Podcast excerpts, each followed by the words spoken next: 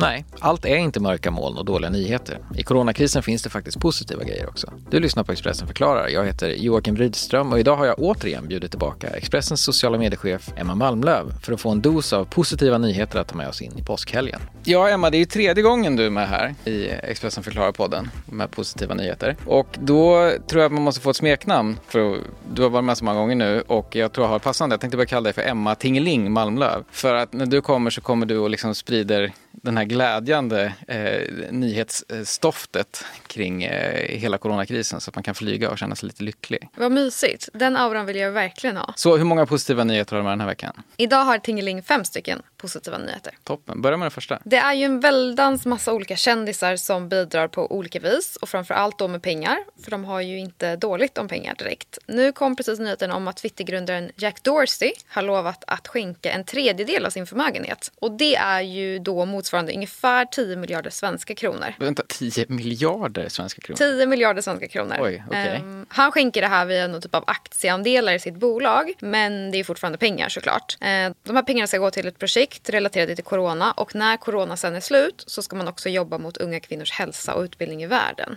Första miljonen ska gå till uh, att ge de som behöver mat och det gör han via håll i dig nu, för nu blir det många namn, eh, Leo DiCaprios insamling som mm -hmm. han startade förra veckan. Det är liksom ett litet spindelnät av kändisar som hjälper varandra här. Ja, men det gillar vi ändå. Du kanske har koll på att Rihanna och Justin Timberlake också har donerat en hel del pengar? Att Justin Timberlake har gjort det visste jag inte. Rihanna hade skickat iväg 5 miljoner dollar tror jag. Och Oprah Winfrey. Jag tror ju någonstans att har man så här mycket pengar då är det ju vid ett sånt här tillfälle man verkligen kan göra skillnad. Mm. Eh, Bill Gates är ju världens rikaste man, eller var i alla fall det förra året. Och han har en stiftelse som nu kommer stötta proceduren med att få fram ett vaccin. Så där har man ju någonting konkret som man också gör med pengarna som mm. skänks det var en nyhet, eh, många nyheter i en visserligen, men kändisar skänker pengar. Superbra. Eh, vad är nästa nyhet? Jag vet inte om du har sett någonting väldigt, väldigt fint och enkelt men också smart som händer i Italien där många riskgrupper inte kan, man ska inte gå till butiken och handla. Och det man gör då det är att man skickar ner en liten korg, ett rep, ner för sin balkong eller sitt fönster. Har du sett bilder på det här? Det har jag faktiskt inte gjort, jag har missat. Det som händer är att man skickar ner den här korgen och så står det kanske en liten lapp att kan du så ge mig jättegärna någonting att äta. Och så fyller de som går förbi på med kanske lite pasta eller någon nödvändigheter, någon medicin. Och så hissar man upp det här stacket då.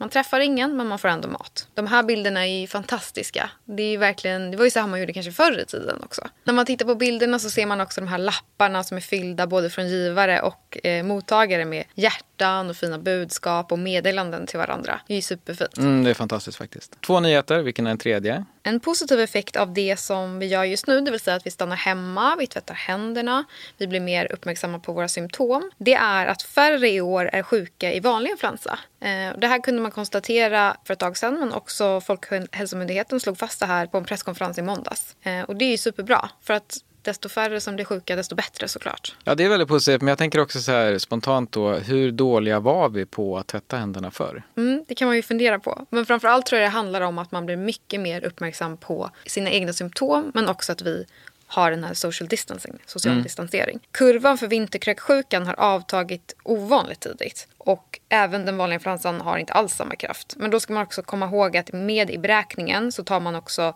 att en större andel av befolkningen är immuna, det finns vaccin inblandat och det är också en ganska mild vinter. Mm, Men oavsett är det ju positivt. Verkligen. Den fjärde nyheten? Du har ju säkert läst om att det är många som saknar skyddsutrustning i vården. Mm. Man pratar om någonting så enkelt som handskar, glasögon, förkläden. Det är ju brist på det över hela landet egentligen. Och igår så landade det ett flygplan på Arlanda utanför Stockholm och det var fullpackat med skyddsutrustning. Så istället för passagerare så satt det en liten kartong på varje plats som innehöll en massa bra saker och bland annat fick man hit över en halv miljon munskydd och en halv miljon förkläden också. Varifrån kom allt det här? Från Kina. Och det här inköpet gjordes av någonting som heter ett command center på Karolinska och Bland annat så bistod Scania med expertis inom logistik och inköp. För det här är inte så lätt att göra. Det är en stor affär och hur ska man frakta och hur ska man samordna? Vem ska ta emot? Vem ska packa och så vidare. Så här gick man ihop och hjälpte varandra och kunde dela bra erfarenheter för att få hit den här viktiga skyddsutrustningen. Då. Men jag har sett de här bilderna som har delats i olika Facebookgrupper och man följde det här flygplanet hur det flög in över Sverige och hur det sen landade på en karta. Man längtade ju verkligen efter det här. Det är som eh, flygvarianten av när Guldbron tog sig hela vägen. Ja, men precis. Mm. Lite mer viktigt kanske. Lite viktigare och inte lika bespottat som Guldbron har blivit efterhand. Eh, sidospår, det tar vi en annan mm, gång. Mm. Eh, men det var fyra härliga nyheter. Då har du en sista kvar om jag räknat rätt. Ja, men då vill jag att du ska se framför dig eh, radhus, tegelradhus. Du vet såna här brittiska hus som står nära varandra med en enad fasad. Ser du det framför dig? Ja, jag älskar eh, brittisk musik och jag älskar brittisk fotboll och har sett såna här i stort sett i hela mitt liv i någon form av så här, dokumentärer och eh, ja, böcker jag har läst och så vidare. Precis, då ser du en stor röd tegelvägg med liksom tre dörrar bredvid varandra. Exakt så. Mm. Då måste jag säga att det här är en av mina favoritglada nyheter som har kommit. För när man är hemma och man är i liksom karantän då blir man ju uttråkad. Och man kanske också vill göra andra glada. Och det var precis vad en brittisk familj gjorde när man fick för sig att ta fram såna här kritor, du vet, som man ritar på marken med mm, man är mm. barn. Jumbokritor, de som är lite större. De var färgglada. Då tänkte de, vi passar på att färga vår fasad, vår tegelfasad, i regnbågens färger. Så att alla som går förbi blir väldigt, väldigt glada. Så man slipper den här röda tegelväggen och får istället? Regnbåge. Ja. Det här tog ju sex timmar att göra och det ska också sägas att det går ju bort om det skulle regna regna. Men de berättar att det var till och med en ambulans som stannade och sa att de älskade det här. För oh, de blev så himla glad. Nej men vad härligt, vad glad jag blir. Det här tar vi med oss in i påsk. Och eftersom jag nu har gett dig ett smeknamn och du har varit här tre gånger så måste jag ta tillbaka dig en fjärde gång, en femte gång, en sjätte gång. Så att eh, vi får se eh,